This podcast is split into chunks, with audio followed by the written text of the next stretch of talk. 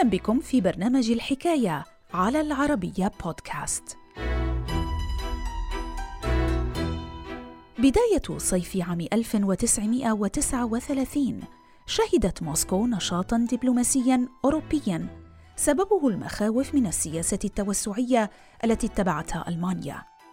أما على الصعيد الشعبي فقد أثبتت نتائج استطلاع رأي ببريطانيا أن أكثر من 80% من البريطانيين يؤيدون فكرة التحالف مع الاتحاد السوفيتي لمواجهة أطماع أدولف هتلر بأوروبا.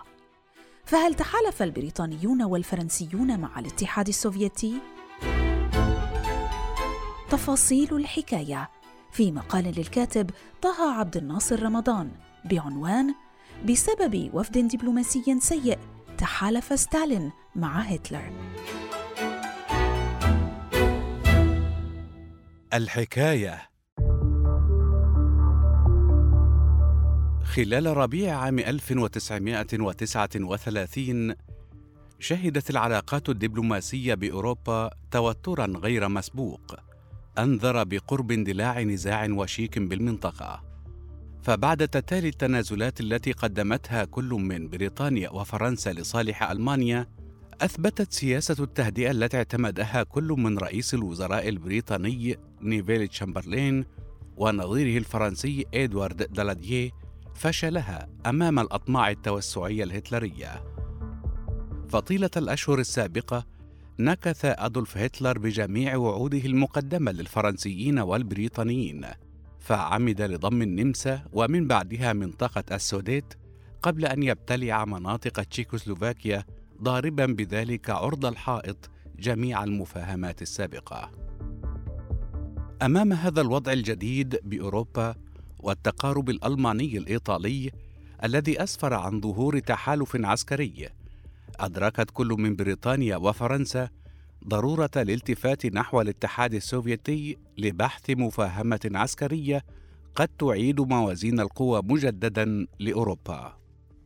وبالتزامن مع ذلك كان القائد السوفيتي جوزيف ستالين على دراية مطلقة بضرورة التعاون مع بريطانيا وفرنسا على الرغم من وصفه لهما بالدول الرأسمالية المعادية لمواجهة الخطر المحدق ببلاده من الغرب على إثر تعاظم الوجود العسكري الألماني بالمنطقة. إلى ذلك كان التقارب بين السوفييت من جهة والفرنسيين والبريطانيين من جهة ثانية صعبا حيث كان الكره بين الطرفين متبادلا. فبينما اعتبر ستالين كل الدول الرأسمالية تهديدا لبلاده تميز رئيس الوزراء البريطاني نيفيل تشامبرلين بعدائه الشديد للاتحاد السوفيتي ولقائده جوزيف ستالين بشكل خاص. أيضا رفض تشامبرلين فكرة التحالف مع السوفييت. مؤكدا على عدم وجود حدود مشتركة بين الاتحاد السوفيتي وألمانيا خلال ربيع عام 1939 كما تخوف رئيس الوزراء البريطاني أيضا من ردة فعل بعض الدول كرومانيا وبولندا اللتين اعتبرتا ستالين أسوأ من هتلر حيث عبر الأخير حينها عن قلقه من إمكانية تحالف هذه الدول مع ألمانيا في حال حدوث تقارب بريطاني سوفيتي.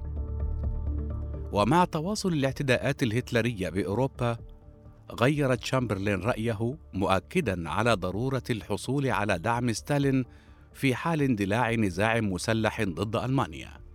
وبحلول شهر حزيران يونيو 1939 أثبتت نتائج استطلاع رأي ببريطانيا أن أكثر من 80% من البريطانيين يؤيدون فكرة التحالف مع الاتحاد السوفيتي لمواجهة أطماع أدولف هتلر بأوروبا. ما بين الخامس عشر من حزيران يونيو ومطلع آب أغسطس 1939 عقد ممثلو كل من بريطانيا وفرنسا والاتحاد السوفيتي اجتماعات أسفرت عن مفاهمة أولية تقضي بعقد نوع من التحالفات للتعاون العسكري في حال تعرض إحداهما أو أي من الدول المجاورة لألمانيا لغزو هتلري. لكن مع بداية المفاوضات الرسمية صدم السوفييت من الوفدين الفرنسي والبريطاني فبينما مثل المارشال ووزير الدفاع كليمونت فروشيلوف الاتحاد السوفيتي أثناء المفاوضات أرسلت بريطانيا وفدا ترأسه الأدميرال ريجينالد دراكس بينما تزعم الوفد الفرنسي الجنرال إيمي دومونيك.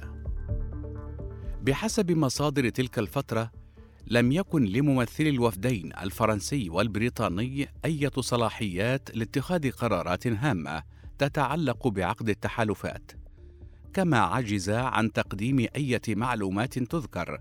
حول إمكانية التحاق بولندا ورومانيا بهذا التحالف وسماحهما بعبور الجيش الأحمر عبر أراضيهما لمقارعة الجيش الألماني.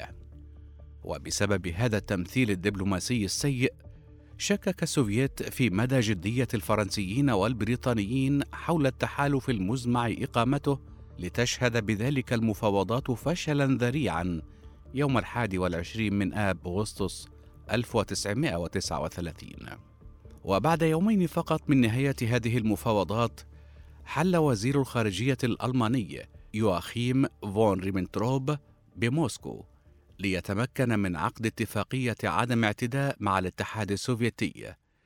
وافق من خلالها ستالين على تقاسم أراضي بولندا مع هتلر وتزويد الجيش الألماني بالقمح والمواد الأولية.